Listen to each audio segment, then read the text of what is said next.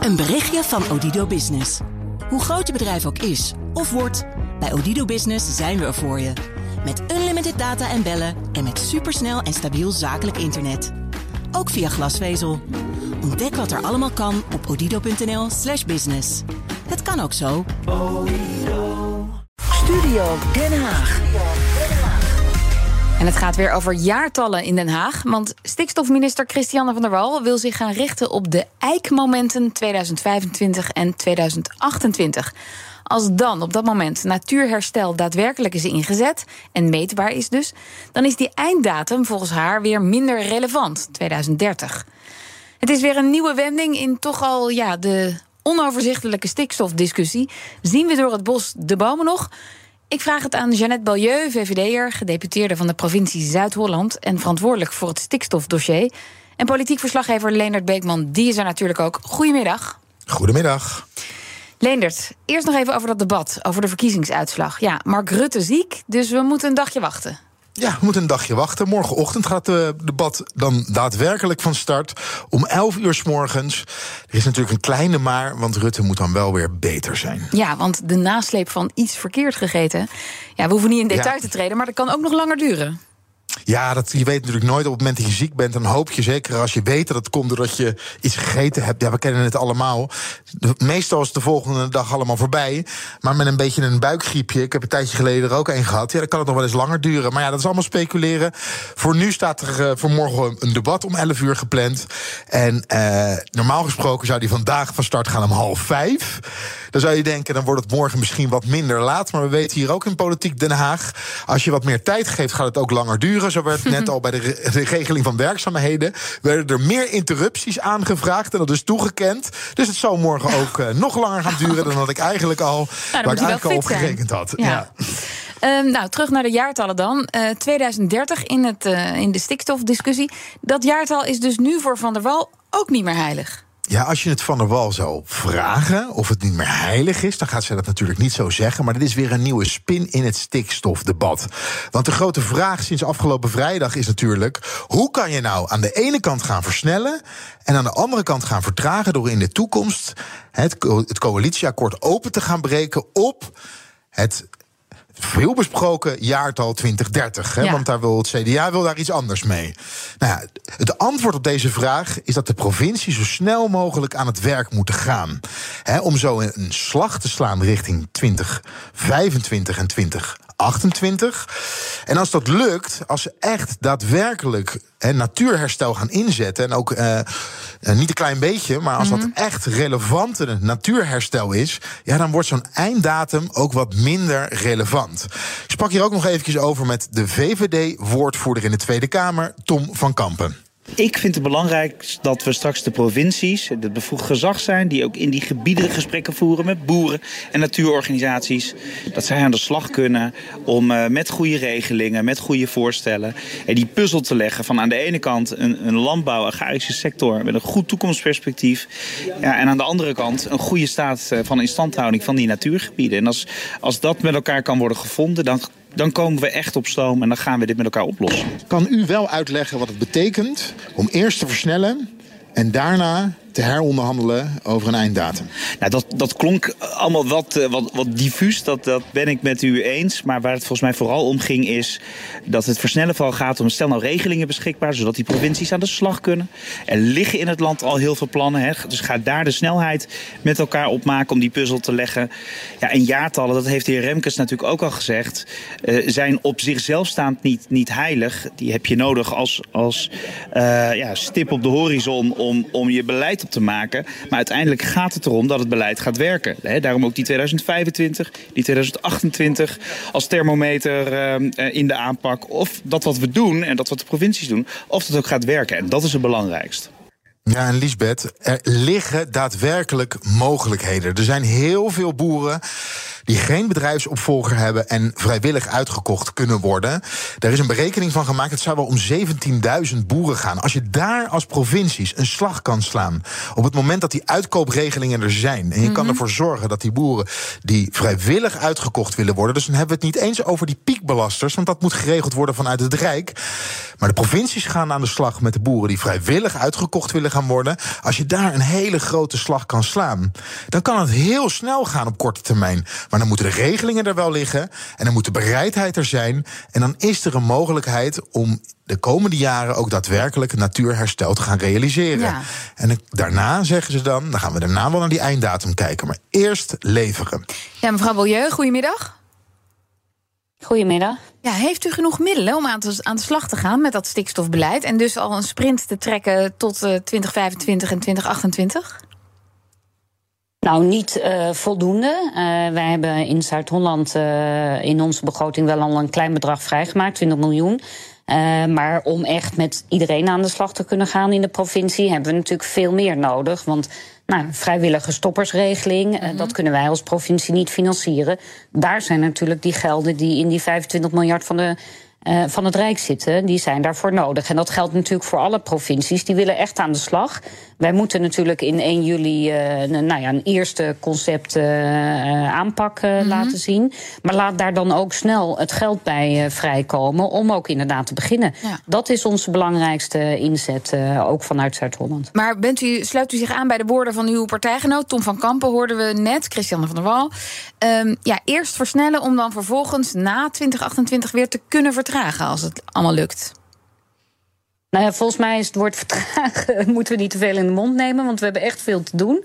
Uh, en wij hebben altijd gezegd, kijk, 2035 staat nu in de wet. Het is aan het Rijk om er eventueel een andere datum aan te mm -hmm. uh, zetten. Maar wij weten dat we aan de slag moeten. Dat geldt voor alle provincies. We zullen iets moeten doen om de goede staat van de natuur te bereiken. Daarvoor zullen we stikstof moeten verminderen. Dat kan op vele manieren.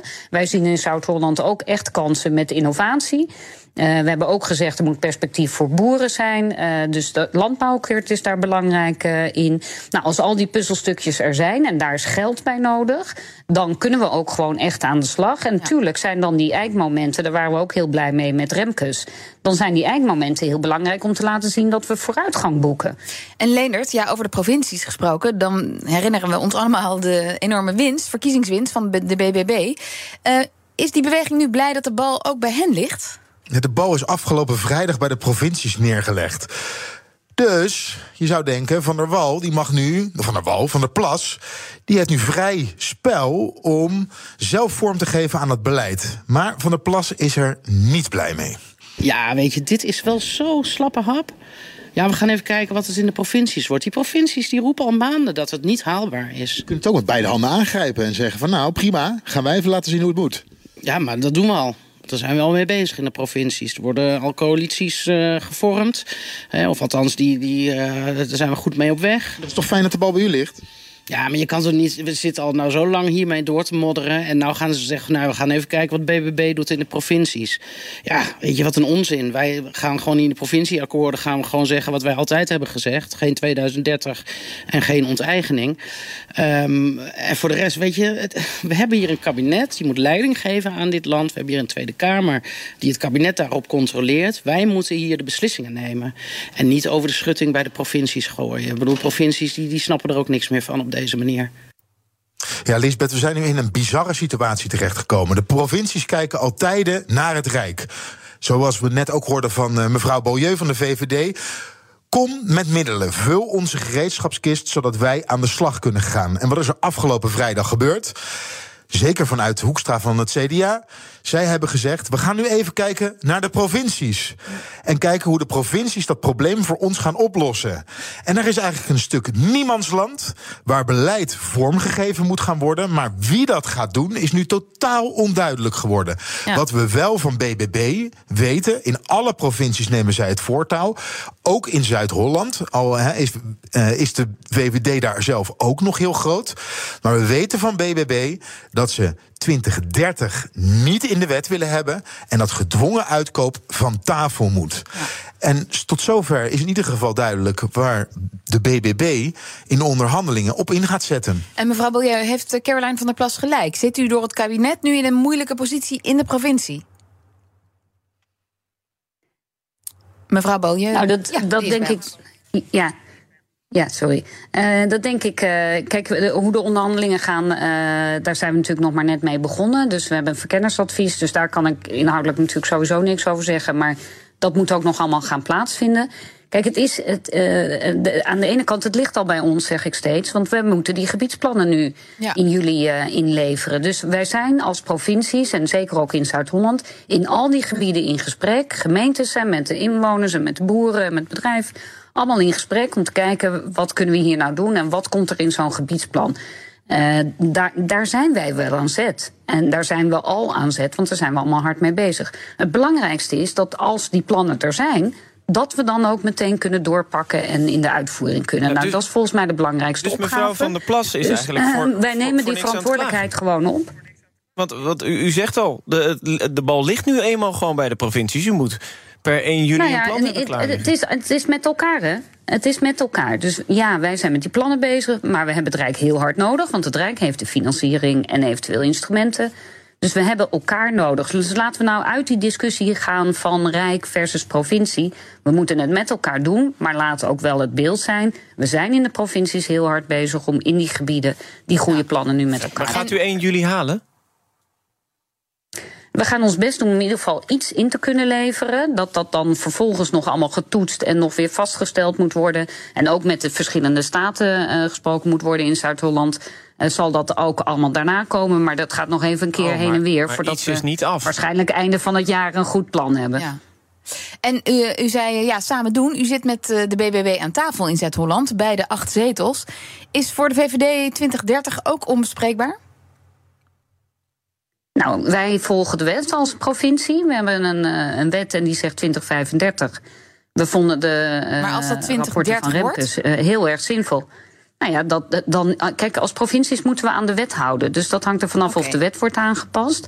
Maar dat gebakkelei willen wij ook helemaal niet zozeer in zitten. Daar gaat het Rijk namelijk over. Maar we weten dat we een opgave hebben om te laten zien dat we de stikstof kunnen reduceren. En- En daar moeten we mee aan de slag gaan. En laten we daar nou over hebben. En niet over een 2030, 2035. Dat is volgens mij niet de discussie die we met elkaar moeten voeren. Leendert, tot slot. Gaat het morgen in dat debat, eh, nou ja, voornamelijk over stikstof? Zal dat het hele debat domineren?